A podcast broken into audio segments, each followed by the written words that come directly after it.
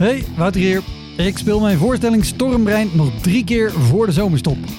Vrijdag 17 mei in Sittard, zaterdag 25 mei in Schalkwijk en woensdag 29 mei in Zoetermeer. Na de zomer komen er nog ruim 40 data bij door het hele land. Wil jij als eerste weten waar en wanneer ik te zien ben? Meld je dan aan voor mijn nieuwsbrief op woutermonde.nl.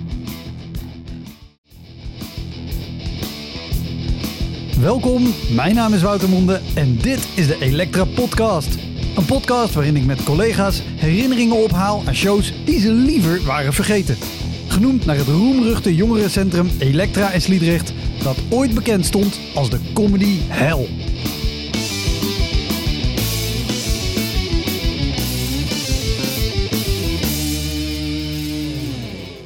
In deze aflevering praat ik met Maarten Westra Hoeksema, cabaretier. Arnie, ik noem dat altijd, Arnie heeft geen shitprijs. Maarten stond al in 1999 in de finale van het Leids Cabaret Festival. Hij was daarna een tijd lang juist als acteur actief, maar sinds een aantal jaar is hij weer helemaal terug op de cabaretpodia. En hij speelt avondvullende voorstellingen in Nederland en Vlaanderen. Maarten is ook nog eens actief als regisseur. Heel veel plezier. Dit is de Elektra Podcast met Maarten Westra Hoeksema.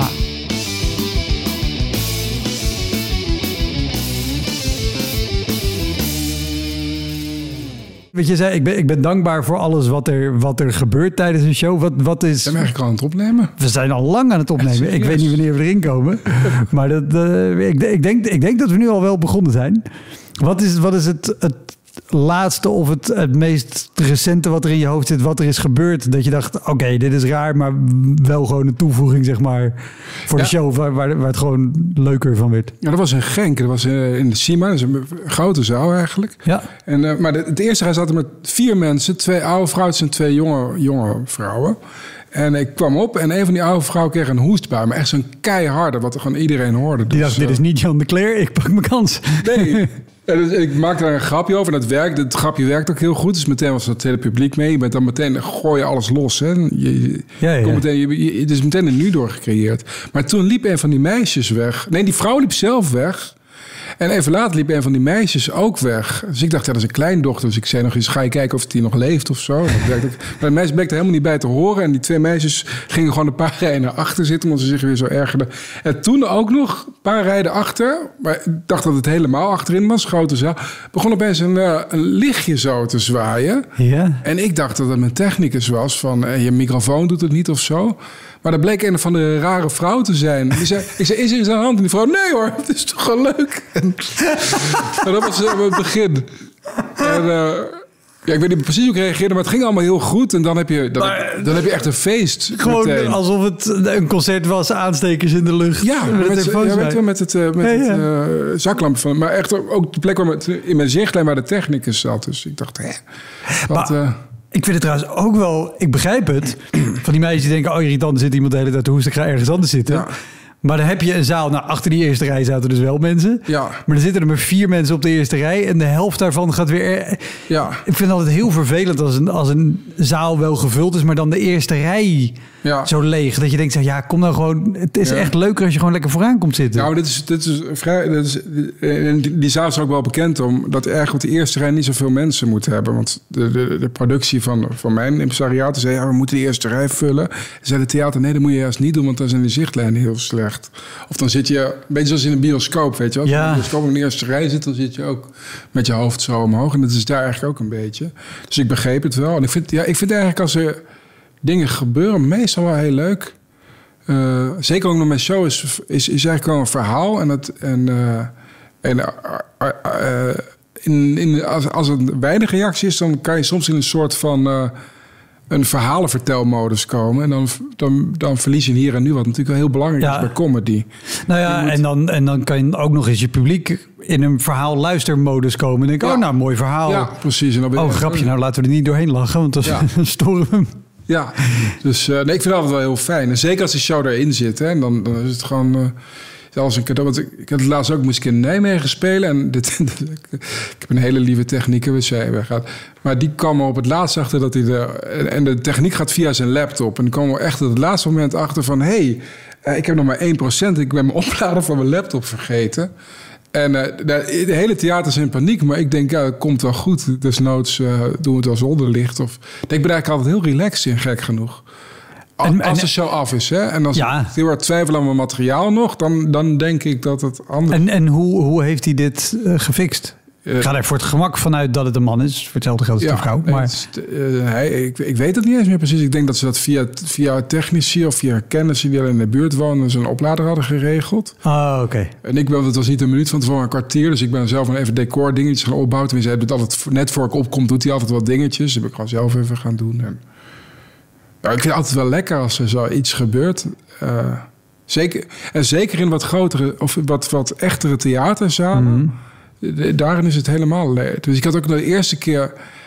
Ik, het is niet, ik speel in België echt niet allemaal in hele grote zalen of zo. Maar in, in Antwerpen, het is misschien wel een mooi verhaal om straks op terug te komen. Speelde ik bij mijn eerste echte cabaretprogramma, 2018 was dat. In de grote zaal van de Arenberg, maar het verkocht uit. Dus, of dus, 750 mensen. Ja, ik zou zeggen, dat is een flinke zaal. Ja, en. Maar dan kom je op en dan. Je, en ik verwacht, ja, er zijn heel veel mensen, dus dan wordt er wel. Maar je voelt dan, je voelt dan opeens een, best een log blok. En toen viel er iets uit de lucht, iets van een glittertje of zo. En da, daar kon ik gelukkig iets mee. Ik weet niet meer wat ik, wat ik zei, maar van nog, ik had iets over de dood of zo. Ik zei, nou, dan wordt het toch nog een fe, feestje. Maar dat, dat, werkte wel of zo. Dus en dan heb je best de hele zaal los. Dus ja, het is altijd wel lekker, toch wel, als er een. Uh, nou ja, dat, dat is het voordeel van, van alles wat er uniek gebeurt op zijn avond. Iedereen weet, dit is hier en nu en is niet ingestudeerd. Of het is heel goed ingestudeerd. Dat ja. kan ook nog. Ja, dat, uh, er zijn ook wel een paar dingen die dan ontstaan zijn... en die er altijd wel in blijven. Die, maar dat moet ik misschien nog niet vertellen. Maar ik zweet nogal veel. En ik, altijd, op een gegeven moment is mijn navel helemaal bezweet. Dus ik ook... Helemaal op het einde. En in mijn show komt het, gaat het ook over antidepressiva en zo. Dat iemand mij dat aanraadt. En ik zeg, word ik dan dan heel dik van? En dan kijk ik naar mijn buik en dan zie ik dus niet bezweten navel. Dan, dan zegt de psychiater, ah, ik kan wel zien dat je navel daar heel erg van... Dat je heel raar vanuit je navel gaat zweten. Dat was het grapje dat ik een keer maakte. Maar ja, dat werkte dan zo goed dat ik het altijd wel erin heb gehouden. Um, ik heb er wel een onderhemdje nog onder gedaan, maar toch dan op het einde drukte ik dan toch altijd op mijn buik, zodat het door ging drukken. ik wil ook heel graag toch als merchandising nog doen dat je die t-shirts dan met zo'n T-shirts met een zweetvlek. ik zou het doen. Ja, ja. Maar dit is nu, nu heb ik het wel verklapt. Dat is wel, ik speel nog een seizoen deze show natuurlijk. Dus uh, ja. Nou, misschien vergroot dat alleen de vraag naar de merchandise. Dan ben ja, ik... En van ik wil nu echt die zweetplek wel live zien. Precies. Maarten West-Hoeksema. Maar hoe Als groot eenmaal mijn naam weten, Maarten West-Hoeksema... is dan niet de man van die zweetplek op zijn navel. Precies. Want wel even, je zei net, mijn eerste echte cabaretprogramma, dat was 2018. Maar je stond in 99 ja. in de finale van het Leids Cabaret Festival. Klopt. Dat was met een duo. Toch? Of niet? Ja, dat was eigenlijk solo, maar de Giel, het was Maarten en Giel heette dat. En Giel zegt de pianist. En ah, okay. was zo collegiaal om hem als volwaardig lid uh, aan te kondigen. Zeker toen de recensies heel slecht waren. Zeg ik, ja, maar dat is ook voor, dat is niet waar. uh, dit was echt gewoon een solo. Dit was, gewoon, ik was helemaal fan van Kees Torren. Ja. Uh, wel bekend onder de Elektra. Maar dat was in ieder geval zo'n zo'n echt een, een rijmpjesman. Hè? Tenminste is. Tenminste, rijmpjes en doe ik hem heel erg tekort. Ja, uh, taalvirtuoos. En, uh, en ik dacht, ja, ik ben gewoon Kees Torren, dacht ik. Dus ik had ook allemaal van die rijmpjes. Maar iets over dyslexie en over... En echt als bij een soort toeval kwam ik in die finale. Dat was niet het allerbeste jaar. Um, daar is ook niet echt een groot cabaretier uit voortgekomen. Ja, nu wel natuurlijk. Nee, maar, en, uh, maar, toen we, maar in de finale... Volgens mij, wat ik puur zo op namen van de finale zag... ben jij de enige die nog speelt. Ja, nou, Eve Co. Dat was een deel. En dus, uh, de Eve is Eva de Rover. En dat is een zangeres in oh, België. Ja. In Nederlands was ook een beetje. En Eva de Rover en Colette Notenboom. Ja. En Colette Notenboom, die waren van Herman Terling uh, in Antwerpen afgeschopt. Die hadden gezegd, gaan we iets anders doen. Dit is niks voor jullie. En de Herman Telling, is echt de Kleinkunstacademie in Antwerpen. Ja. En ik, ik wilde heel graag naar de toneelschool of de Kleinkunstacademie. Maar ik dacht, ja, ik, het beeld dat ik van de Kleinkunstacademie had was musical. Weet je wel, Alex Klaassen, toch? Alex Klaassen. Ja. Iemand die heel mooi kan zingen en ook wel kan dansen. En weet je wel, goed kan acteren. En, eh, ja, en alle, eh, dus ik dacht, ja, dan moet je gewoon een hele mooie... eh, Zou ik Alex Klaassen nu een compliment geven? Een hele mooie man voor zijn die mooi beweegt. Ik dacht, ja, daar ga ik nooit aangenomen. en de Les Cabaret Festival was in februari, toen eind februari. En toen, eh, toen waren voor mij alle audities al gedaan, de inschrijving. Ze zei even, ja, maar je moet echt naar de Herman Tellik in Antwerpen gaan... want daar vinden ze juist leuk als je een beetje raar bent. En die audities waren in juni pas. En ik had geen, want ik was, eh, zat in mijn eindexamenjaar. Dus heb ik toen een auditie gedaan. Moest ik in september de ingangsweek doen. Ja. En dan pas zou je weten of je naar het jaar door mocht. En ik had geen andere optie. Maar ik werd aangenomen. Dus eh, zo kwam ik eigenlijk in de Kleinkunstacademie in Antwerpen terecht. Maar wat ik niet wist is dat zij een beetje een hekel hadden aan cabaret. Die zeiden allemaal, de Arnie M. G. Schmidprijs. Arnie M. G. Ik noem dat altijd de Arnie M. G. Shitprijs. Dat er waren allemaal mensen die eigenlijk... eh, er waren allemaal mensen die eigenlijk zo in de cabaret zo'n beetje buitenbeentjes waren. Stef, Stef Bos was bijvoorbeeld een van de bezielers. Die had die van de, en die had samen met Giel van Berkel, als nu een acteur in, in had hij met een duo meegedaan ooit aan het Amsterdamse Kleinkunstfestival en niet gehaald. En, en die hadden, ja, die hadden een hele grote hekel aan cabaret opeens. Of, eh, ja, zo, zo, zo lief en, mild zoals hij in eh, televisieprogramma's is. is hij- Wat Giel van Berkel ooit over Stef Bos zei. eh, gevoelig, een gevoelige man. Ja, gevoelig tussen zijn benen zou je bedoelen. maar goed, dat moeten we misschien uitknippen. Maar was een hele lieve man. Nee, was ook een hele lieve man. Ik klink nu wat haatrouw, maar dat was het niet. Maar er waren mensen die allemaal een beetje hekelen hadden aan cabaret. En ik werd ook in aanraking gebracht met toneel. Waar je ja, echt wel hele inspirerende dingen zag. En dacht, ja, dat zijn wel dingen die verder gaan dan cabaret. Of anders zijn. Maar voor, voor mij was altijd mijn passie ik, eh, cabaret. Dus ik zat ook als puber elke week in het Werftheater in die kelder. Ja. Ongeacht wie er ook speelde, ik moest dat gewoon zien. Eh, daar heb ik ook Kees Toorn natuurlijk ontdekt en zo hard gelachen. Ja, maar, maar toen kwam ik zo eigenlijk in die toneelwereld terecht. Dus- en eh, mijn, eerste, ik, mijn eerste echte toneelopdracht toen ik van Herman Terling afkwam was bij Luc Perceval. En Luc Perceval is, eh, is echt een grote regisseur van België. Heeft het toneel. Eigenlijk Ivo van Hoven van, van Antwerpen. Ja. En die ging naar Berlijn toen, naar de Schaubühne. En dat was echt zo... Oh, en die ging, dat ging in première op de Wiener Festwoche. En de Wiener Festwoche, dat is echt nou, het theater-event van, eh, van het jaar. En, we, en, en ik werd gevraagd om mee te spelen. Dus ik zei natuurlijk meteen ja. En, ik En zei- ook auf Deutsch? Nee, er was een met drie. Dus het was met eh, twee Hollandse nee, nee, met twee Nederlandse. Dus Ja. ik en nog een actrice, Abke Haring was dat. Maar die ken je eigenlijk maar goed. Ook helemaal niet belangrijk. En dan Belgen en Duitsers. Dus er waren zeg maar drie talen. Nou ja, voor zover je Nederland en Vlaams natuurlijk andere, andere taal kan noemen. Maar ik dacht, ja, maar natuurlijk. Dus ik vertelde aan iedereen trots in Berlijn spelen en Wenen. En, eh, maar dat bleek het stuk van 4,5 uur te zijn. Waarin we 4,5 uur op het podium moesten zijn. Maar ik had drie scènes tekst. En de derde scène had ik geen tekst, maar dat was een, eh, dat was een, eh, ja, een stille scène. Ik moest een luchtmatras eh, op allerlei verschillende manieren neuken.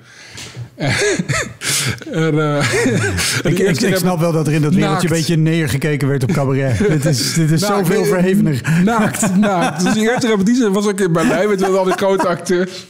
Ook Duitse acteurs, een hele arrogant. Er was ook een paar bekenden bij naar het schijnt. Bruno Katomas en zo. En eh, ik was zo zenuwachtig. En toen, toen stonden we... er. En, en, en Luc Pers had ook al bedacht... we gaan alle acteurs op een rij zetten. En dan moet Maarten voor die rij dat ding neuken. en... eh, dus ja, ik dacht, ja, hoe doe ik dit nou? En toen, toen wilde ik me zo uitkleden. En dan riep ik, "Ah!" heb ik zo staan doen. En zei Luc, nee, hou, je kleren maar aan, Maarten. Dat en eh, nou ja, dat ging helemaal... Nee, ging niet mis. Want uiteindelijk heb ik dat dus moeten doen op de première. En toen was de recensie in die Welt...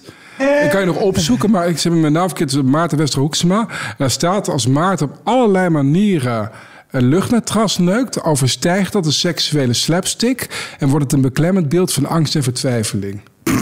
Ja, en een week later was het eind met mijn vriendin. Had je in ieder geval nog een luchtmatras. Ja, maar goed, zo komen ze in die toneelwereld terecht. Ehm, maar ik begon, eh, dat is natuurlijk niet echt wat ik wilde. Dus ik begon met een paar andere mensen een toneelgroepje... wat veel toegankelijker was en wat, wat ook heel goed liep. En we hadden ook een paar mooie voorstellingen gemaakt. Maar daar ontstonden ook wel monologen van mij uit. Ja. heel grappig was. Onder de verleiding. Was zo'n zo'n monoloog waarin ik zo'n verleidingscoach speel. En daar werd natuurlijk heel veel om gelachen. Dus ik dacht, ah, misschien kan ik wel cabaret nu gaan doen. En toen kwam ik terecht bij, nou ja, ons allerbekende Tim... Nee, Eh, Tim van der Sluis. Tim van der Sluis, eh, bij de cabaretpool. En, eh, en ik Want, zei, want de, de cabaret, cabaretpool wordt georganiseerd door Tim van Ja. der Sluis. Eh, regisseur en, en, en een managementbureautje. Ja. En de cabaretpool, er gaan drie of vier acts door het hele land. Ja. Spelen allemaal een half uurtje op mm, kleinere theaterplekken of plekken waar een theater van gemaakt is. ja. Punt. Ja, en er zijn wat, zijn wat mensen tegen, want de cabaretiers niet betaald worden. En ik had zoiets van, ja, maar ik kan eindelijk gaan cabaret maken en het eindelijk uitproberen. Ja. En ik heb er uiteindelijk drie jaar bij gespeeld. En echt, ik denk dat ik geen, misschien hooguit twee optredens heb gehad die goed zijn gegaan. Ik snap ook niet wat Tim in mij gezien heeft. Die zei, nou, kom, blijf nog maar een jaartje of zo. En het waren natuurlijk ook allemaal beginnende cabaretiers. Van, En- en- ik had heel veel te podium. Ik was er 35 was ik. En de cabaretiers waren soms al 20. Zo'n meisje met een ukulele die... eh, oh god, wat als ik maar pot zong.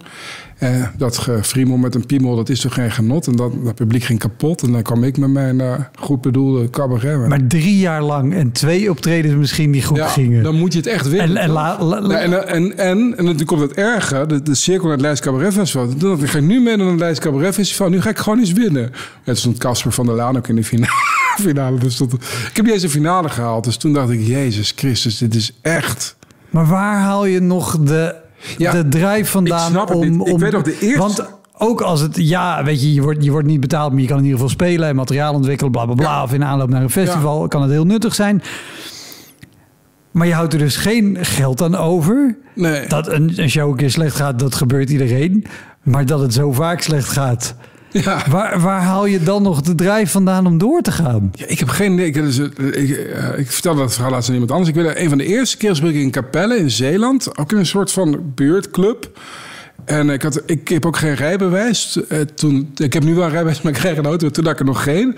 En eh, ik, ik sliep ook in een heel goor hotel. Dat je ook, weet je wel, ja, want je hebt geen geld. Dus 15 euro per nacht of zo. Echt met van die gele badkamertegels. En ik moest als eerste, ik speelde ook heel slecht. En na mij moest iemand die ik echt, daar dacht ik, ja, maar dat is echt zo'n beginner. Dat, eh. En toen zei na afloop iemand, wel fijn dat jullie het zo laten oplopen van de mensen met de minste ervaring naar de mensen met de meeste. en ik weet nog dat ik zo met mijn tas zo naar het hotel liep. En dat ik me super gelukkig voelde. Dat was echt zo raar. Dat je zo dacht, ja, maar ik doe nu eindelijk wat ik, waarvoor ik eigenlijk ooit naar de toneelschool ben gegaan. Dus dat is, eh, dat is heel raars. En eh, dat derde jaar begreep ik wel van... Met de grote fout die ik volgens mij maakte was... ja, maar ik moet cabaretier zijn. Dus ik moet me als een cabaretier gedragen op dat podium. En ja, wie zou heel Jochem Meijer bijvoorbeeld... ik moet gewoon heel druk gaan doen en zo. Of toch, heel lomp. Zeker voor iemand van 35, bedenk ik me nu. Of ja, ik moet nu echt grappen maken... want anders vindt het publiek me niet leuk. Dus als de mensen niet lachen, dan is het niet goed wat ik doe. Dus ik zat de hele tijd onder een druk... en probeerde me ergens aan te voldoen. En Maar nu kwam het dus. Ik ging Ja. naar het Les Cabaret Festival. En toen kwam ik niet eens door die finale. En ik dacht, ja, nu stop ik gewoon. Het heeft geen zin. En dit Maar- is al Dat is 2018 zo'n beetje, ja. Dat is 18. En, eh, en achteraf was ook helemaal niet goed genoeg wat ik deed. En, eh, maar toen dacht ik, ja, ik stop er gewoon mee. Maar ik had al wel in het najaar wat voorstellingen staan. En ik werkte al met een regisseur, Johan Petier, de regisseur van Wim Helsen. Die had wel wat vertrouwen nog in mij. Maar ik dacht, ja, ik moet die ook betalen. Dus ik moet die voorstellingen in het najaar wel spelen. Maar wat ik nu gewoon ga doen, ik ga gewoon lekker elke ochtend schrijven. En gewoon wat ik leuk vind. En toen kwam ik langzaam zo, terwijl ik dat deed, elke ochtend langzaam weer in de in de, in de vibe van de jongen van 16 die cabaretier wilde worden. En thuis of in de klas zat te schrijven, ik weet niet. En de- de- mega gelukkig. En toen zei een vriend van mij, mijn technicus, mijn eh, lichtontwerper ook. Weet je wat je gewoon doet? Want er komt toch geen publiek. Laten we gewoon het publiek zo op het podium allemaal stoelen om je heen zetten. En dan gaan we met geluidseffecten werken. En later kwamen we dan achterna. We laten ze gewoon naar een lege zaal kijken. Zodat de mensen kunnen zien wat jij altijd ziet, namelijk die lege zaal. En, maar ja, toen, had ik, toen, maar toen ontdekte ik de Facebook-advertenties. En eh, ik stond in, in CC Bergen, in die Corso, en er konden 400 mensen in. En nou, mijn, mijn record was tot dan toe ah, 100 mensen of zo daar. Eh, maar dat was het jaar daarvoor met een mislukte monoloog. ik heb veel mislukkingen gedaan. Ja, ik wil, was ik, wil ook al weg. ik wil alles horen. Dus er waren twee maanden geleden nog maar 20 kaarten verkocht of zo. En toen dacht ik, ik ga toch eens je Facebook-advertenties proberen. En toen zat er best 200 man. En het was ook een show die heel goed klopte. Tenminste, eh, dus eh, het heette Tired of Being Young. Dus was sowieso een catchy titel naar het schijnt. En het is ook iets wat heel erg bij jonge vrouwen speelt, kennelijk. Ja, dat niet volwassen. Dus dat vol met jonge vrouwen, wat je in een cabarettheater natuurlijk weinig hebt. Ja. En, eh, en vrienden en bekenden waren komen kijken, die waren allemaal oprecht. Je voelt het ook als ze het oprecht heel mooi vonden. Dus ik dacht, ik heb nu wel wat. Maar ik had, ik had nog geen, geen eh, pers durven uitnodigen of programmatoren. Want ik dacht, ja, niemand wil me toch nog hebben. Maar ik dacht, ja, maar dit is toch wel goed. Dus ik moet toch iets regelen. Dus toen had ik naar de Arenberg Schouwburg gebeld. Die hebben zo'n klein zaaltje waar 80 Ja. mensen in kunnen. En, eh, en, eh, en die zeiden, ja, je mag hier wel komen staan, maar je, je moet, is met je eigen risico. Ik zei, ja, prima, ik krijg het toch wel vol. Dus ik daar ook Facebook-advertenties. was binnen drie dagen was dat zaaltje uitverkocht. Dus er konden we er nog één bij doen. En was ook binnen drie dagen uitverkocht. En toen zei ik, ja, kan ik niet gewoon in jullie grote zaal staan? Want eh, ik kan toch prima?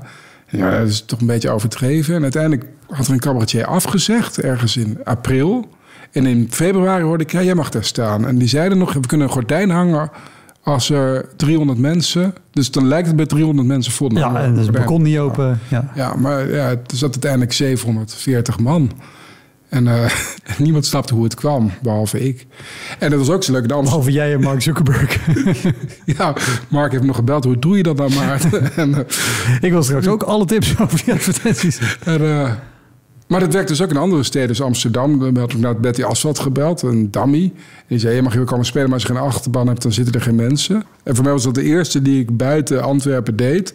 Dus ik dacht, ja, dat lukt wel hoor. En toen zet ik die Facebook-advertentie. Een paar, een we- twee weken later belde hij van... ja, Maarten, zijn nu al 80 kaarten verkocht. Zullen we niet een avond bijboeken? Dus dat was een hele rare... Was echt een schot in de roos. Maar dat lag eigenlijk... En het was, gelukkig was het een goede voorstelling. Want bij wijze van spreken, als je gewoon een kleuter met die foto... snap je, dan, dan had ze ook vol gezeten. Ja. Dat zijn nu wel grote geheimen die ik prijsgeef. Maar, eh, maar Ja, is wel, ik had ook helemaal geen management in Nederland of België. Dus ik deed het ook allemaal zelf. En niemand. En ik, op een gegeven moment dacht ik, ja, kijk, die zalen toch vol. Dus ik huur gewoon alle zalen. Dus ik ging allemaal zaaltjes afhuren. Dus de Verkadefabriek bijvoorbeeld. eh, Ja, in Den Bosch. De vorige programmator was Frank Verhallen. En die had toen ik in het Leids Cabaret Festival 99 had gespeeld... had hij geschreven, ja, van Maarten Wis Roesema gaan we nooit meer iets horen. Dus ik had die, de screenshot naar hem gestuurd en zo. Zou je me niet toch eens laten spelen? Is toch leuk dat ik er dan toch weer... Maar die had niet gereageerd. En toen heb ik die zaal gehuurd en uitverkocht. Dat vond ik wel mooi. Ja, Maar ja, uiteindelijk ben je dan toch een soort van rare randcabaretier. En, maar gelukkig ben ik al opgepikt door eh, Kik Producties. De, de meest fantastische man die ik ken, denk ik, Hans Kik. Zijn grote, en voor mij was dat ook de held, de man die Maarten van Roosendaal heeft eh, begeleid toen, die, toen hij nog leefde. En Jeroen van Merwijk. Ja. Zo de, ja, maar, beter om gedragen te worden. Het voelt beter om gedragen te worden door Hans Kik dan door Max Zuckerberg. dat, dat sowieso. Dat- en nog even los van het feit dat het gewoon heel fijn is dat je je niet met dat soort dingen bezig hoeft te houden. ja. Met zalen bellen en mag ik komen dat iemand anders het doet. Ja. Maar nog wel, want dit is allemaal heel tof dat het helemaal vol zit. En dat gun ik je. Maar we- we- ik ben nog steeds blijven hangen bij drie jaar slechte optredens. Of een monoloog die ook niet werkte. ja, Ehm, want Nou, dat er wel verband met elkaar. Dus ik dacht op een gegeven moment in 2015, en toen gebeurde ook iets ingrijpends. Het is vaak als er iets ingrijpends gebeurt in je, in je leven. Mijn toenmalige vriendin die verloor haar beste vriend in een ongeluk. En daardoor zit je opeens met een hele groep. En zij was sommelier in een restaurant. En eh, zij wilde eigenlijk wijn gaan maken. En ik als theatermaker die eigenlijk cabaret wilde maken. En er zaten nog een paar mensen in die groep. En eentje wil een eigen restaurant beginnen. En, iedereen is die droom gaan volgen uiteindelijk. Dus ik had wel zo'n wil van... Ja, maar ik had denk ik zo'n drive van... Jezus Christus, we kunnen ieder moment doodgaan. En ik loop echt mijn, leven te verdoen, met alternatieve stukken voor weinig mensen. En, en hopen dat iemand subsidie geeft. En ik wil gewoon lekker dat... En is dat dan ook de drive die zorgt dat je, ook al ga je als eerste af, zegt iemand achteraf, nee, gelukkig ging het in volgorde van ervaring en slaap je in een, in een fluthotel, dat je toch nog denkt, ja, maar ik doe wel. Ja, dat ik- was het denk ik toen. En ik merk wel dat ik toen echt heel, naar mijn toenmalige vriendin, echt heel zagrijnig was. Die maanden, dat het maar niet lukt. Want ik dacht, ja, dit gaat gewoon lukken. Dit. Ja, want het- dit, dit is een heel mooi romantisch beeld, Ja. maar dit, dit heb je niet elke avond als het, als het slecht gaat. Ik bedoel, je, je hebt Nee. elke avond dat het slecht gaat en dat je Nee, gewoon afkomt. Of dat je gewoon boos bent op dus iemand die met een ukulele naar je komt en met Ja, relatief makkelijke teksten, zeg maar, scoort. Of iemand anders, of iemand die jonger is. Of nou, Ja. projecteer al je issues er maar op, zeg maar. ja.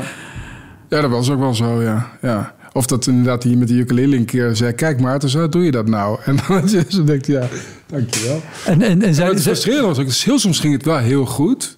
En dan dacht ik, ik heb het eindelijk onder de knie.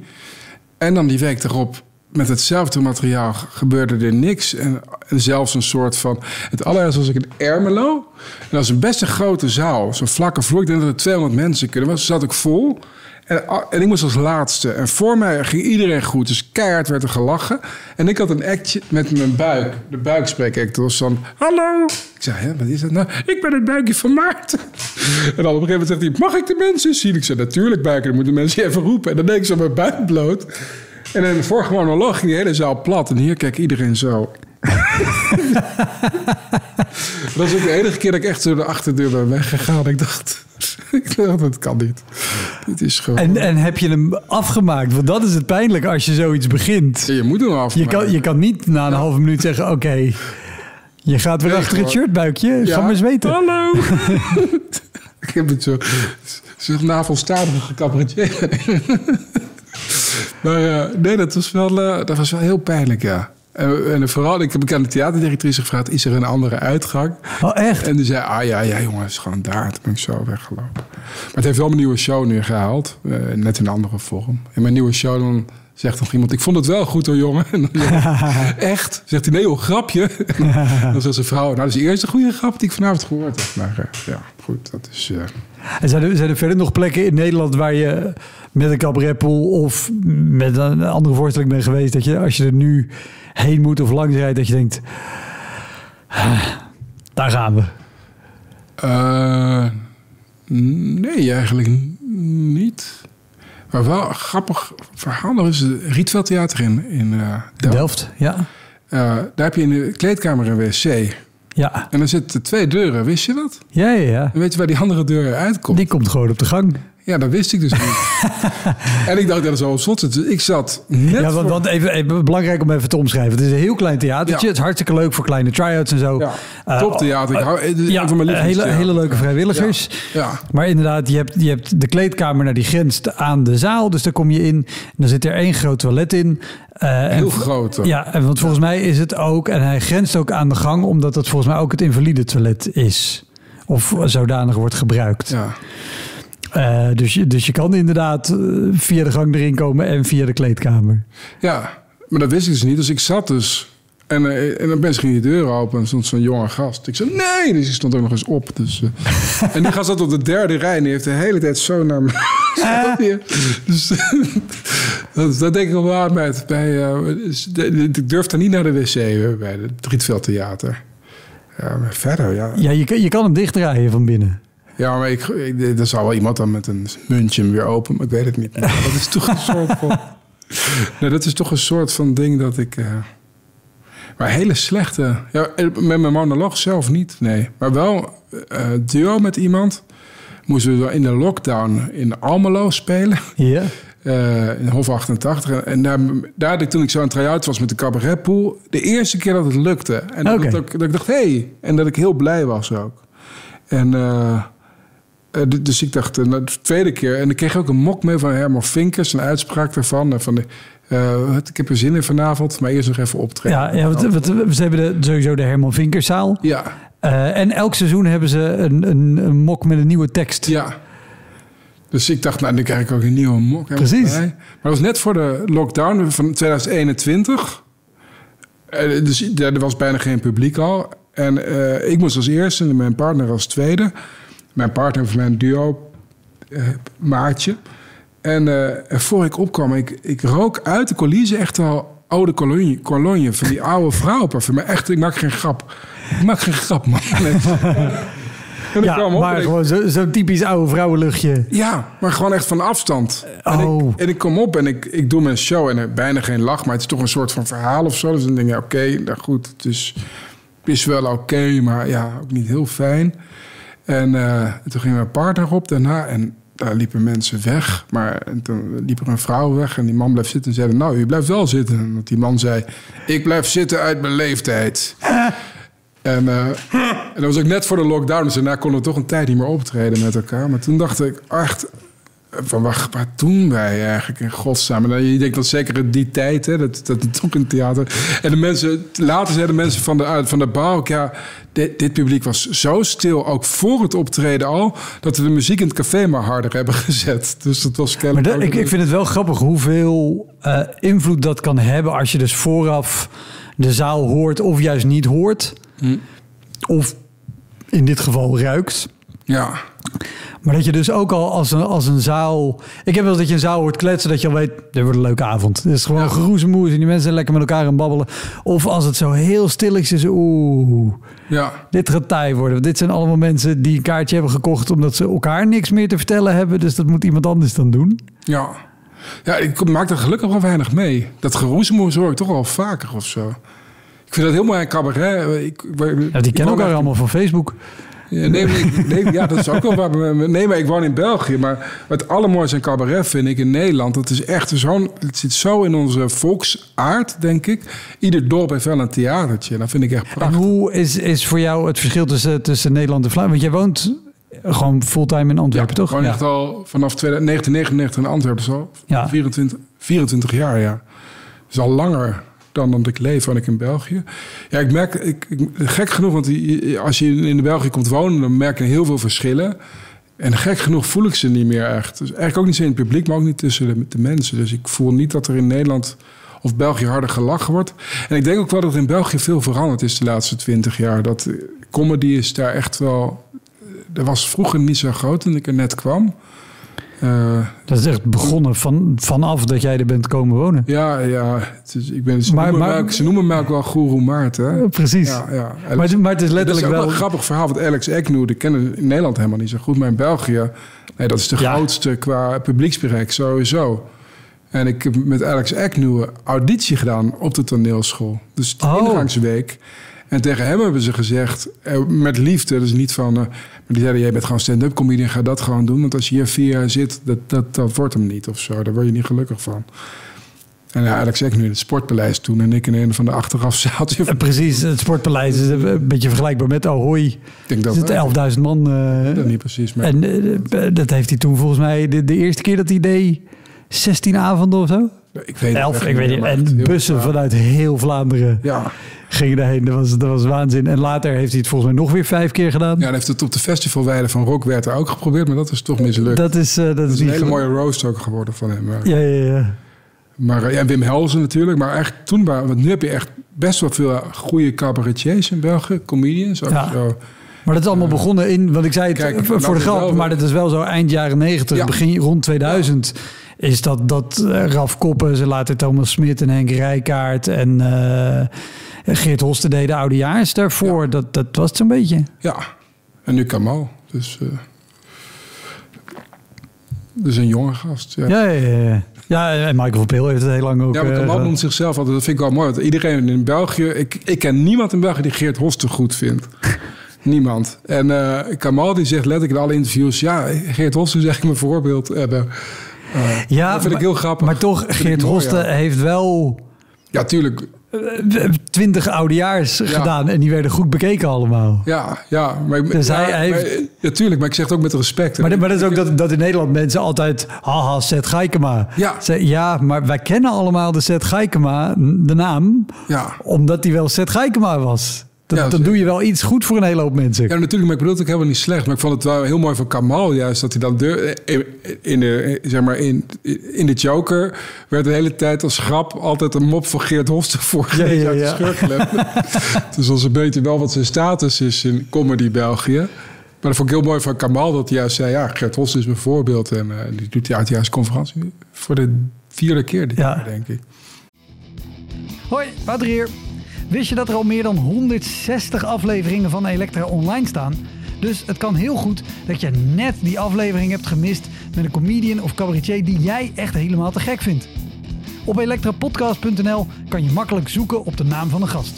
En daar kan je ook heel makkelijk doneren of crewmember worden om mij te steunen bij het maken van deze podcast. Als je in je podcast of streaming app even klikt op abonneren of volgen, dat is gratis, krijg je elke week een melding als er een nieuwe aflevering klaar staat. Oké, snel weer terug. Hoi, Wouter hier. Luister je vaker Elektra? Dan is het een goed idee om crewmember te worden. Je doneert dan automatisch elke maand een klein bedrag. En in ruil daarvoor krijg je extra afleveringen, consumptiebonnen om in te wisselen als je eens live bij mij komt kijken. En je krijgt een unieke link waarmee je voortaan de podcast luistert zonder dat ik halverwege onderbreek om te vragen of je crewmember wil worden. Zoals nu. Dus, word crewmember. Dat kan al vanaf 1 euro per maand. In de omschrijving van deze aflevering vind je een linkje voor meer informatie. Oké, snel weer terug.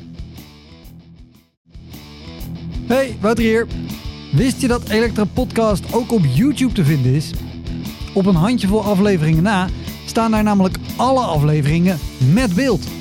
Zoek gewoon naar Elektra Podcast en vergeet niet te abonneren. Vind ik wel bijzonder. Maar dus nu, nu heb je echt heel veel hele... Ik denk zelfs ook wel wat mensen die...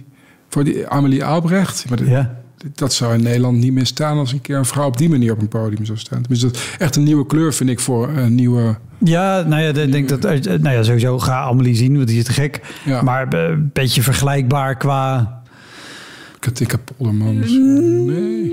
Ja, jawel, behalve dat Kink- Katinka natuurlijk veel meer cabaret is, maar meer Amy Schumer, zeg maar, Ja. qua gewoon directheid en eh, Ja, maar dat is geen Nederlander. uitstraling. Nee, maar... eh, Maar, ik bedoel, nee, wat ik eigenlijk bedoel is in België beginnen. Want in België leek het vroeger altijd, behalve Wim Helzen dan, eh, misschien Wouter de Pre ook, alsof de comedy achter de Nederland, Nederland aanhobbelde. En nu wordt het echt een volwaardige.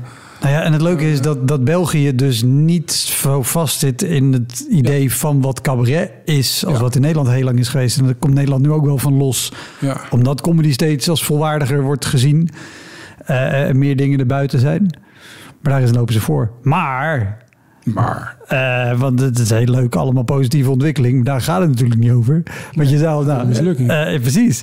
Maar Wie zei, ja, nou, Elk stond in een sportpaleis. Nou, enorm eh, complex. Jij in een achterafzaaltje. Wat, wat is het, het, het gammelste, raarste eh, zaaltje waar je, waar je ooit hebt gespeeld in Nederland of Vlaanderen? Heel grappig. Ik kom er nu ook op, want ik heb gisteravond zitten denken aan een situatie. Maar ik heb ook nog een tijdje liedjes gezongen. ja, ik, ik raad niemand aan om het op te zoeken, maar het was niet onverdienstelijk, maar het verdienstelijk was het ook niet. En het was samen met een meisje, Martine, en er was op een gegeven moment een vrouw die vroeg: eh, kun je niet in ons hotel komen optreden? Acht keer. En dan moesten we eerst in dat hotel optreden. Dat was gewoon in een soort lobby. En dan, nou, dan ben je gewoon echt langs. En voor je, voor je verder gaat, eh, theaterliedjes of gewoon luisterliedjes? Echt theaterliedjes. Dus eh, ik was heel erg geïnspireerd door, door, door Maarten van Roosendaal, uh, uh, Ramses Shaffi en zo. Dus ik dacht Ja. ook dat ik er een was. Dus wel Dat liedjes zie ook aan mij, hè? Zo die eh, levenslustige. Dat, uit. overal nog halve flessen rode wijn achter boeken verstopt. Eh, nee, maar de, de reden dat ik het vraag, wel liedjes waarvoor gewoon aandacht is en, en een Ja. mooie tekst bij zit. Of in ieder geval tekst waarover nagedacht is. En niet op de achtergrond gewoon een cover van Bridge Over Troubled Water doen. Nee, maar Nee. dat was wel een beetje een, een bedoeling. En op zich dachten we, oké, nou, dan, dan weet je wel, we slaan ons hier wel doorheen. Maar daarna moesten we in het, in, was, er er was dus een, een package deal. Dus we moesten daarna in een, in een restaurant op die zolder spelen voor publiek. Maar er was geen publiek. Dus we hebben één voorstelling dus voor twee man moeten spelen. En wij zo spelen. Dus op een gegeven moment die man, ja, stop eigenlijk maar. Oh. Ja, ja. Dus ik heb wel, ja, ik, weet- ik, misschien dat we, als we een soort van Elektra eh, mislukte optredens eh bingo zouden houden, Ja. dat ik misschien wel zou winnen of zo. Als, ik zou hoog in het klassement eindigen, denk ik.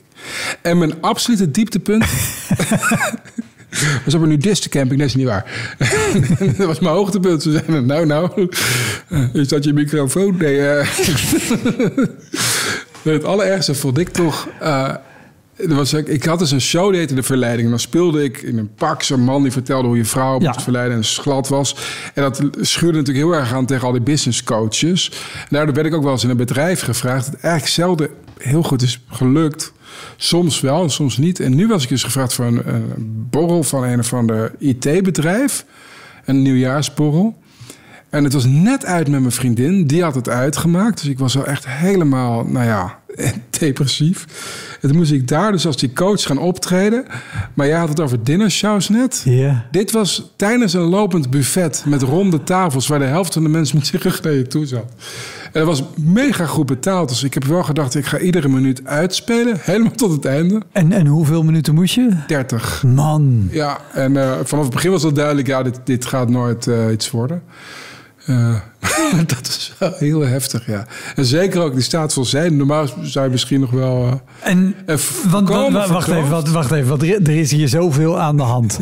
ja. Dit, dit moeten we even stuk voor stuk behandelen. Want ik heb er ook een beeld bij, maar het is een IT-bedrijf. Ja. Die hebben ik een, weet niet meer hoe het heette. Maar... Maakt ook niet zo heel veel uit.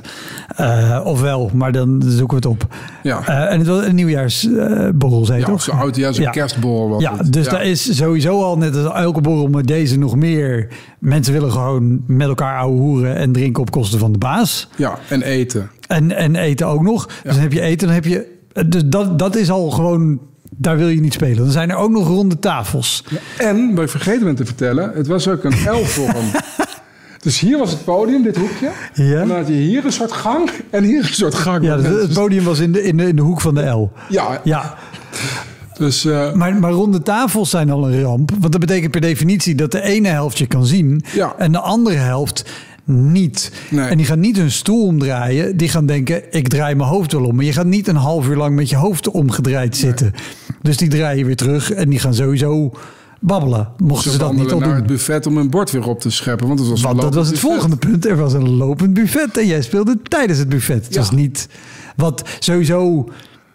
Dat het buffet gesloten wordt voor het optreden is al slecht. Dat ze moeten wachten tot het optreden klaar is voordat het buffet open gaat, is een slecht scenario. Het allerslechtste scenario is dat het buffet geopend is. Ja. Maar dan hier ook nog, want je vertelde al, je speelde die business coach of eh, verleidingscoach. Ja, je vertelde hoe je succes moet hebben. Nou, dit was het Ja. ultieme niet succesvolle beeld. Dat- Ik was ook net eh, verlaten door een liever drie jaar met samen was. Dus het was ook echt zo. En, en want even, wat was de inhoud? Als, als ik gewoon even een inschatting maak hoe ik jou ken. En wij kennen elkaar vooral vanuit social media. Maar als ik een inschatting maak op basis van hoe we nu praten en hoe je huis eruit ziet, dan weet ik wat. eh, is dat niet gemaakt uit respect voor de verleidingscoaches van de wereld? En heeft daar best wel een laag ironie en sarcasme in gezeten? Ja, maar heel subtiel. En dat zie je daar natuurlijk niet. Dus die mensen... Op het theater zie je dat heel goed natuurlijk. En, maar dan tijdens een ding is, dan denk je... ah, va- misschien hebben ze ook wel gedacht... shit, hier is opeens zo'n business coach. En dan... eh, Want, want, want de reden dat ik dit vraag is, en sorry, daar ga ik er even een cliché in gooien, maar de clichés eh, hebben toch altijd wel voeten in de waarheid.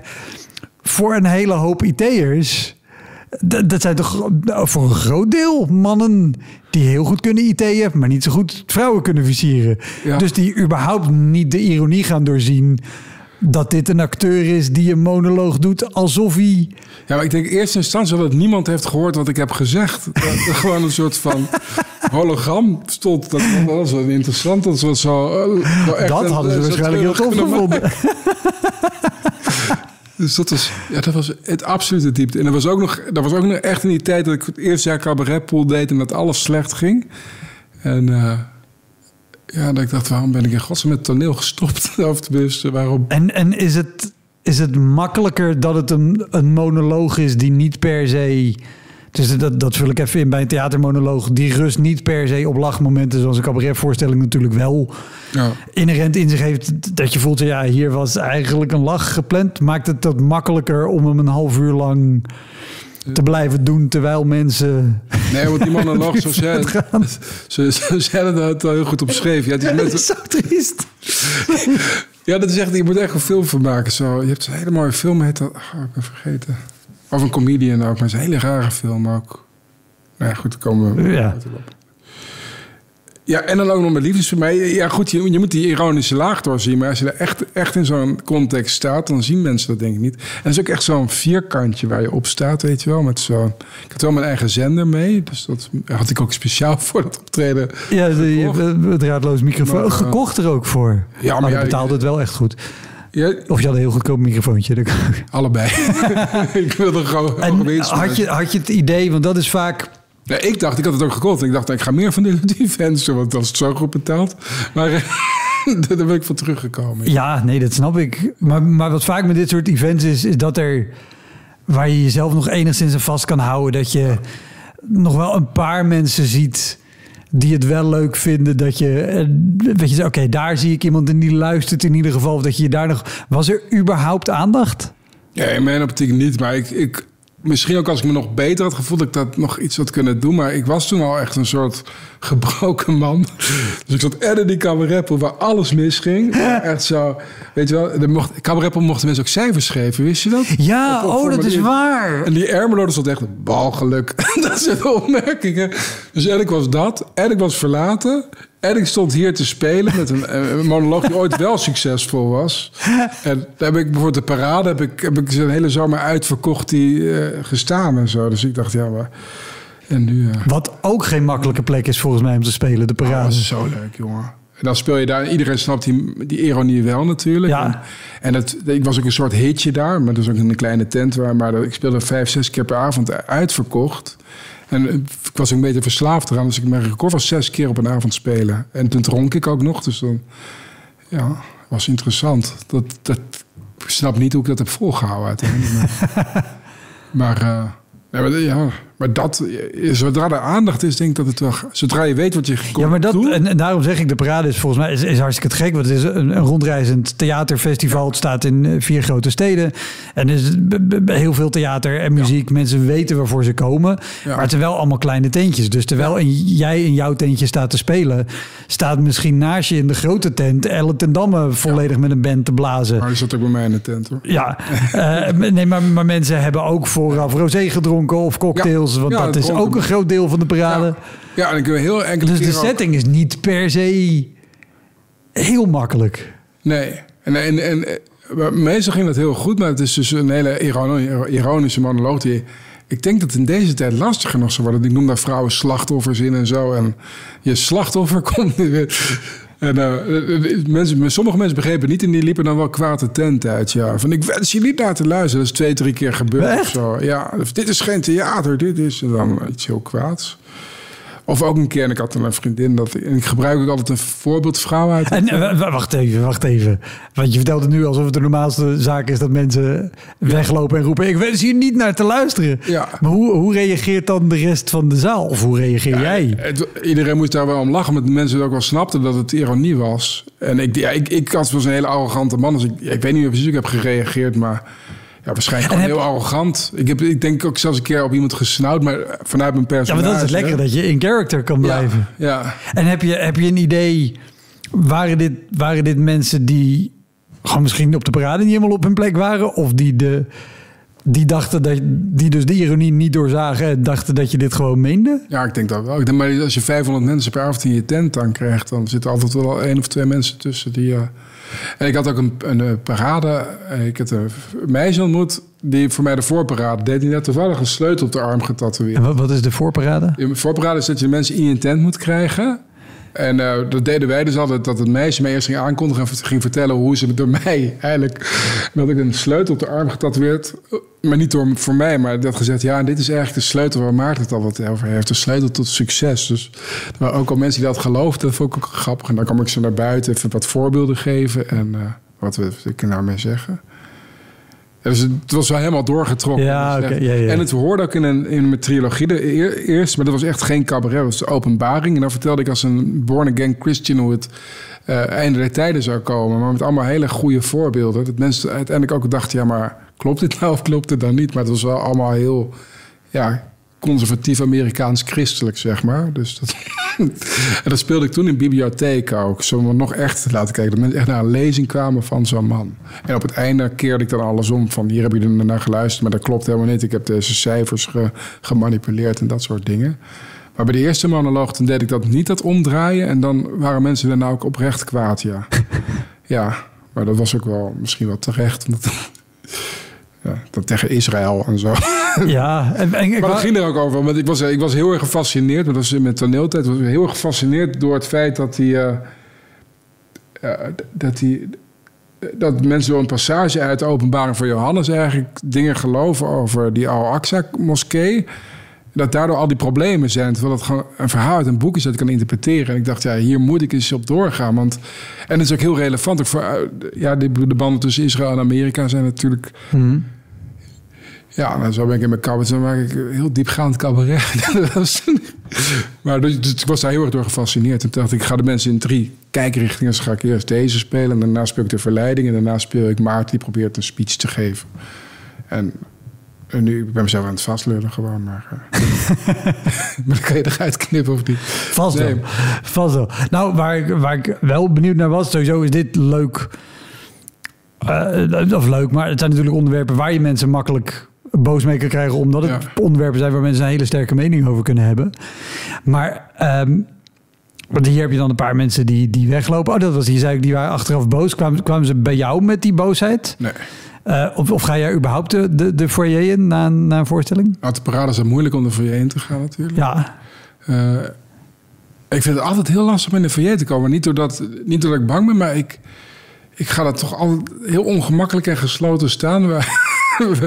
dus ik heb nu beslist ook om, om, om een mokker te gaan laten drukken met een grap uit mijn voorstelling. Dat ik die maar kan verkopen. Dat dus een reden heb om met mensen te praten. ja nou, nou ja, maar, maar dat, het, het werkt heel fijn als je iets... Ja, ja, dus dat je iets kan doen. Want ik vind het heel moeilijk. Maar ik, en ik vind het wel belangrijk, want die mensen die. Ik ben natuurlijk niet de bekendste cabaretier, dus die mensen doen echt de moeite om mij te ontdekken. Eh, maar ik vind, het, ja, ik vind, vind het altijd lastig om eh, achteraf te praten. Ja, ik, ik vind het ook altijd heel... Omdat ik denk, ja, maar er is een reden dat ik daar op het podium sta... Ja. en niet hier in de foyer. Ja, Maar ook, ja, mensen vinden het heel fijn. Maar ik vind het vervelend dat je dan zo naar buiten moet... en dan aan de ene kant uit moet stralen met zo... Nou, mensen, hier, Ja. hier ben ik, kom maar. ja ik weet natuurlijk ook, je weet natuurlijk mensen je leuk vonden. Dus dan denk ik, ja, maar straks vindt diegene helemaal niet, niet leuk. Of, Nee, maar, maar zeker ook bij, bij zo'n cabaretpool... Waar je dus, dan durfde ik natuurlijk nooit, eh, nooit naar buiten. Dat was, maar je hebt ook wel eens dat mensen van het theater zo nadrukkelijk zeggen dat het, dat het toch wel heel leuk is als je nog even wat komt drinken. Dat je denkt, oké, ik, snap deze boodschap. Ik moet nu gewoon verplicht even mijn gezicht laten zien. Niet dat mensen die mij in de cabaretpool hadden zien spelen, dacht ik ga mijn publiek een plezier doen met Maarten in de foyer. Maar nee, eh, ja, ik doe het wel, maar dan sta ik daar best wel ongemakkelijk. Ja. Ik, gelukkig, ik, met mijn voorstel heb ik niet getoerd met een technicus en nu wel. En dat is ook een soort vriend, dus dan gaan we daar samen zo'n beetje aan die bar staan. En dat, is, dat, dat werkt altijd wel beter. Ik vind het altijd heel fijn, ook als je ergens bent met een line-up, dus met meerdere mensen, dat je dan gewoon Ja, met twee of drie daarheen kan gaan. Zo, nou kijk, we zijn er. We zijn aanspreekbaar. Maar dan moet jij het initiatief ja, nemen. En ik heb, ik heb, wat voor mij heel fijn werkt, omdat ik ook heel veel hardloop. Eh, en ik loop ook vaak voor een stichting tegen kinderkanker. Dat ik dat aan het eind ook even meld. ja, Dat ik dat doe en dat ik een collectebus eh, bij heb. ja. Eh, en dan sta ik daarmee in de foyer. En dat is en voor mij en voor andere mensen heel fijn. Oké, dan heb- kunnen we het over iets anders hebben dan... En als of er is een ingang. kunnen ze denken, nou, doe toch nog iets goeds. Precies, Ja, precies. Dat ja. ook nog. Misschien moet ik dat ook wel gaan doen. Mag ik jouw bus kopen? nee. Prima. Wat, wat is dat? eh wat je zei, bij de cabaretpool geven mensen aan het einde cijfers. En ik, ik wist het, maar ik ben het vergeten. Ja. En er zijn meer theaters die wel een soort recensiesysteem op die manier hebben. ja, ik vind dat verschrikkelijk. Ik, ik vind het ook. de- kijk, dat, dat je als theater wil weten wat je publiek ervan vond en zo, dat, dat snap ik hartstikke goed. Ja, maar dan denk ik van, Maar- bij mezelf vaak. Ik, toer nu twee jaar echt, of drie jaar door de Nederlandse. Nee, sinds 2018 ben je met corona moeilijk. Mhm. Ik, de keren dat ik, zeker nu eh, ik geboekt ben via mijn impresariaat, de keren dat er een programmator komt kijken, eh, vind ik schrikbarend weinig eigenlijk. Maar wat er vooral, maar ik, heb dat, ik vind het heel lastig om in line-ups te spelen. Jij, jij doet het vaak, maar ik vind Ja. het, ik heb dan toch altijd het idee dat mensen keuren. Dat ze denken, ja, maar deze vond ik iets beter of die. En dan ga ik, dat, ik, ik ben dan kennelijk, ga ik toch ook in een kramp om, om dan... Ja, nee, maar, ja maar, dat, maar dat bedoel ik. Weet En als je, ik gewoon met mijn eigen show optreed, dan denk ik, ja, mensen komen hier voor mij. En, Ja. en het is bij mij ook echt een verhaal van anderhalf uur. Daarom is een line-up bij mij altijd het stom. Dat vertel ik dan een half uur uit en dan... Maar eh, en dan, dan, dan weet ik precies waar het heen gaat. Dan denk ik, oké, maar dit stukje hoeft er niet gelachen te worden. En hier moet even die grap. En hier, hier bouw ik op. Ja.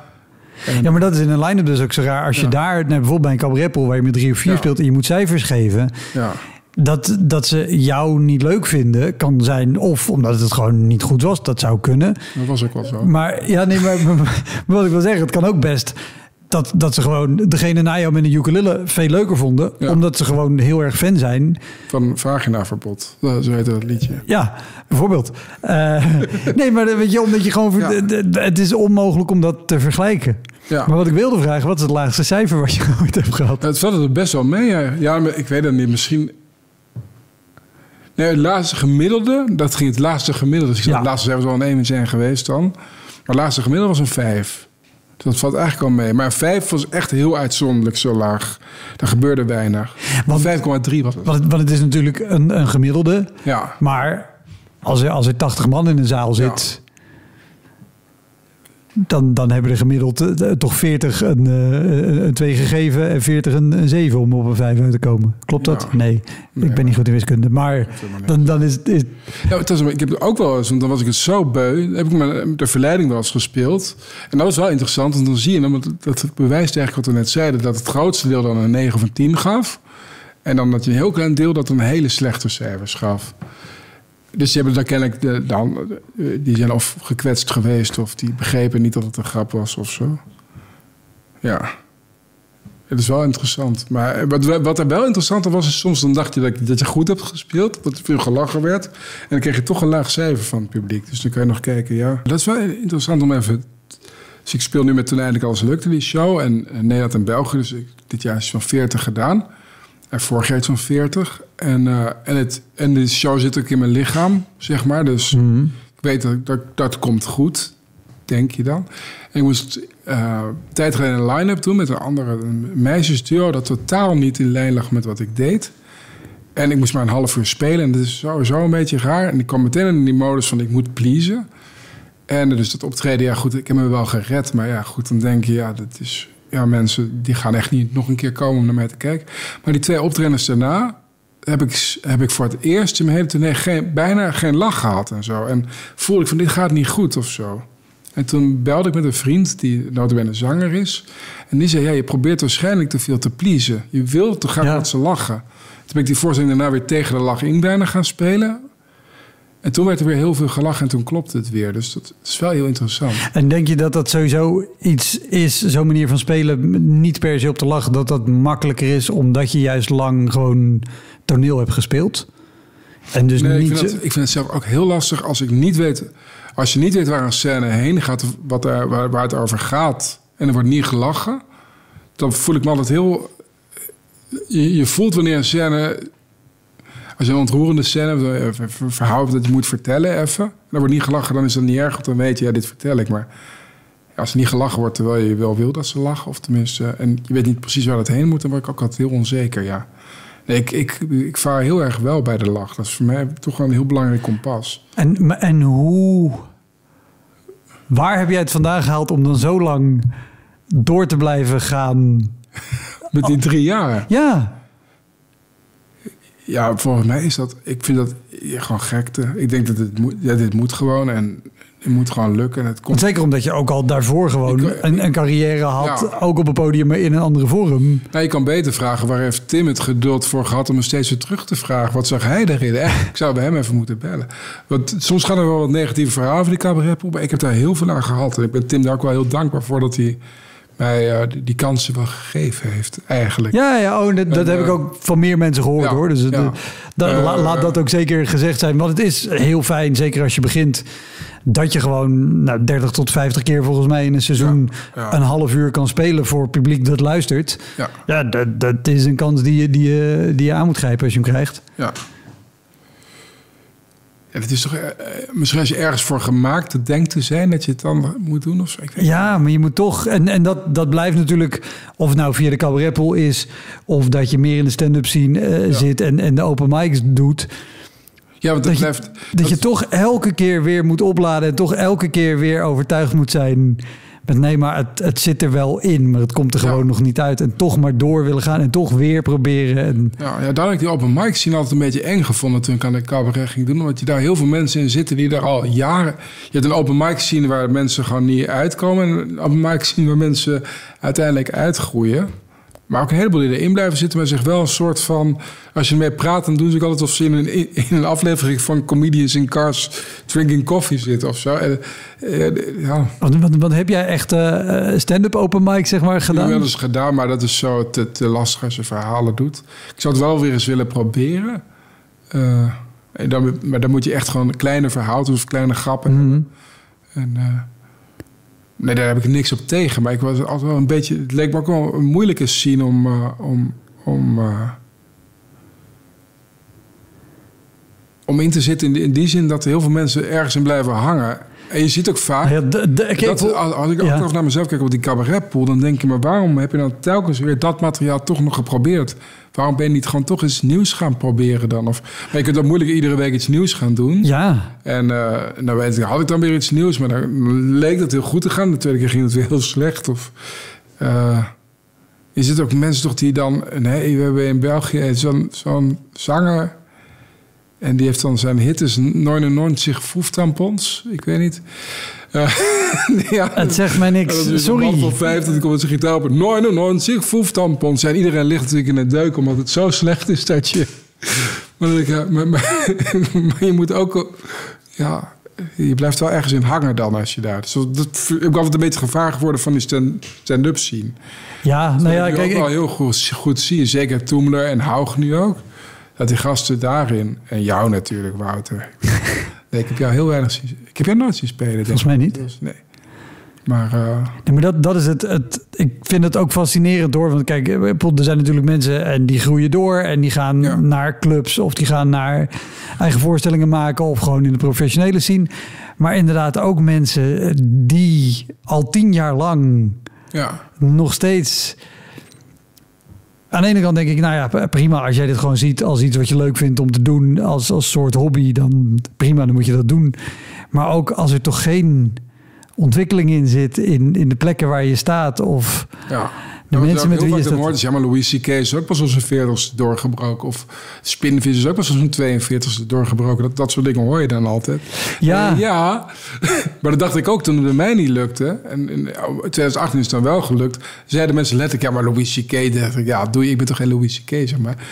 Dus eh, het kan wel. En het is nu trouwens ook weer een gast waarmee ik op school heb gezeten. Die is ouder dan ik. Rick van Geel heet hij. Ja, En die staat nu superveel. eh die staat nu voor het programma van Amelie Albrecht. Die speelt die, Ja, klopt. Natuurlijk of honderd keer dit jaar. Ik heb hem nog niet zien spelen, maar dat, ik bedoel, ja. ja Rick is heel tof. Stond ook al eerder trouwens in de finale van eh Humo's uit mijn hoofd. Dat weet ik niet. Dat weet ik. Ja, ik ken hem gewoon puur van school. Zat een klas. Ja, nou ja, ik, ik, ik weet En, inderdaad, ik ken hem uit de stand-up scene. Daar, daar loopt hij ook al heel lang rond. Ja. Als iemand met heel tof materiaal, maar niet altijd even toegankelijk. En dat hij verder ja, maar nu het- acteur was. En Ja. d- nee, dat, dat hij daar niet ook per se heel bekend van was. Nee. nee, maar nu begint het wel te lukken. Dus dat is wel... Maar goed, het- de dat- is inderdaad dat je heel vaak denkt... dus zeker als je in de toneelschoolwereld hebt gezeten... of ja, waarschijnlijk jij dus ook in de comedie... dat je heel vaak goed bedoelend bij mensen denkt... Ja, weet je, als jij nu gewoon iets anders gaat doen... ga je een veel gelukkiger leven hebben. Dat denk je dan. Terwijl heel veel mensen zullen het over mij ook wel Ja. gedacht hebben. Oh, ongetwijfeld. En, en misschien over mij ook wel. Ja. En, ik, en ik denk dat je wel ook, om dit überhaupt te doen, op wat voor niveau dan ook, moet je in jezelf dat geloof hebben. Wat dus zorgt dat je wel drie jaar lang doorgaat. En ik Ja. nee, maar morgen gaat het wel. Of weet ik wat. Maar ik kan me ook voorstellen, en ik, ben benieuwd of je dat wel eens hebt gehad. Weet je, zeker ook bij zo'n cabaretpool, dat wisselt natuurlijk ook wie daar spelen. Ja. Dus daar zijn, zullen ook mensen bij zijn aangesloten en die na een jaar een festival wonnen of Ja. doorgroeiden. Dat je denkt, oh, motherfucker, jij stoot me voorbij. Is, is er wel eens, dat is wat ik wil vragen, is er wel eens een punt geweest waarop je dat geloof kwijt was of dacht, nee, zie je wel, ik moet toch gewoon, Ja, toen ik dus toch op- gewoon eens naar albertheijn.be of .nl surfen om te zien of die geen mensen nodig hebben. Ja, toen ik dus uh, het Les Cabaret Festival van 2018 uh, glansrijk verloor. Toen, uh, toen ben ik, ik, ik echt in bed gelegen, echt. Toen dacht ik, ja, het is gewoon over. En uh, ik speelde toen wel een toneelvoorstelling voor die zomer geregeld, geproduceerd ook. Dus ik had wel iets te doen, maar ik dacht... Die droom moet ik maar weggooien. Ik ga gewoon maar weer verder met het acteren. En daar, daar, ja, daar heb ik ook best wel een paar mooie dingen in gemaakt. Dus ik dacht, dat komt wel goed. En toen kwam plotseling die Tide of Being Young die echt bij toeval, echt, echt, want het was ook ja, geen management dat me wilde en zo. En uh, ja, je kent het wel, impresariaten mailen en geen antwoord krijgen, al die dingen. Nee, helemaal geen ervaring mee gehad. Nee. dus uh, ja, goed, dat dacht ik toen. Maar dat was eigenlijk het punt, denk ik, waarop ik eigenlijk goed materiaal ging schrijven. Maar je dan even stopt met het heel graag te willen. En misschien is heel graag willen ook een soort van rookgordijn opzetten of, zo. Soms is als je iets echt heel graag wil en daar alles voor doet, dan maakt je ook wel blind voor wat eigenlijk uh, echt goed is of zo. Dus ik zit nu een beetje heel Dalai Lama-achtig te praten. Nou ja, maar het is misschien ook in, in, in hoe je iets maakt of wat je maakt. Bijvoorbeeld René van Meurs. Ehm, die kreeg voor zijn tweede programma een, een genadeloos slechte recensie. Ja. Werd echt helemaal afgefikt en nog niet eens zeer op de inhoud van zijn programma, maar echt heel erg op zijn persoon. Die wilde, de- ja, die had er zelf ook geen vertrouwen meer in. Zijn impresariaat zei, nou, weet je, die, die volgende show die staat er al, maak die gewoon, doe die nog en dan kan je altijd nog kijken. En die heeft toen die derde show gemaakt, een beetje met de insteek, nou ja, fuck it, dan maak ik het gewoon zoals ik het leuk vind. En het is toch de laatste en wat heb ik nog te verliezen? En die show liep als een malle.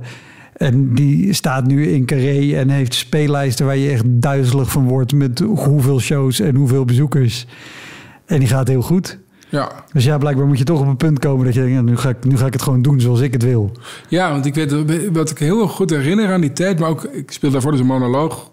Comic Freak heet dat. En dan deed ik een soort komiek na die mislukt was of zo. Dat je zo bang bent voor recensies. Zo bang bent van wat het publiek gaat vinden. Zo bang ook bent wat het- de theaterscene ervan gaat vinden. Dat je uiteindelijk helemaal niet meer vrij bent bij het maken. Waardoor, je ook, waardoor het schrijven ook super traag gaat. Omdat je bij alles denkt, ja, dit is toch niet goed. Of, eh. En op het moment dat ik zo dacht, ja, maar nu ga ik gewoon echt gewoon lekker schrijven. Eh, want ik schrijf graag. En, en iedere ooit, was iedere ochtend dan stond ik gewoon op pakte ik koffie en dan ging ik op mijn, op mijn gsm of op iPhone notities ging ik gewoon schrijven. Ik was net ook heel veel aan Tinder en ik dacht dat ik zo schreef, dan ik had goede berichten. Want ik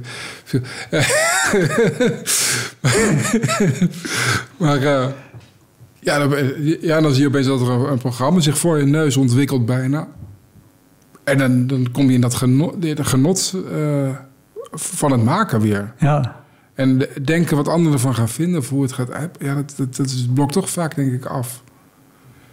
Toch? En wat ik ook heel interessant vind, ook misschien het verlenging van... Ik was naar Louis Louis C.K. gaan kijken, twee jaar geleden.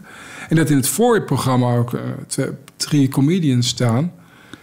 En eentje die wilde heel graag, die was zichzelf continu aan het overschreeuwen en zo. En ik zat ook op de eerste rij, dus dan ja, echt zo. ja. En Louis C.K. komt op met een uitstraling van... ja, als je geen zin hebt om te lachen, dan lach je toch niet. Is totaal niet erg. Ik word er ook niet boos op. Klopt, ja. En dat maakt dat je zo hard bij die gast op schoot zit. En eh, ja, dat is wel heel... Voor mij waren dat wel hele leerzame dingen. En ik had het eigenlijk ook... ehm, in mijn zoektocht naar wat dan mijn cabaretclub is... eigenlijk bij Pauline Cornelis. Dus ik was heel erg... Wat zijn dan die goede cabaretiers? En dan...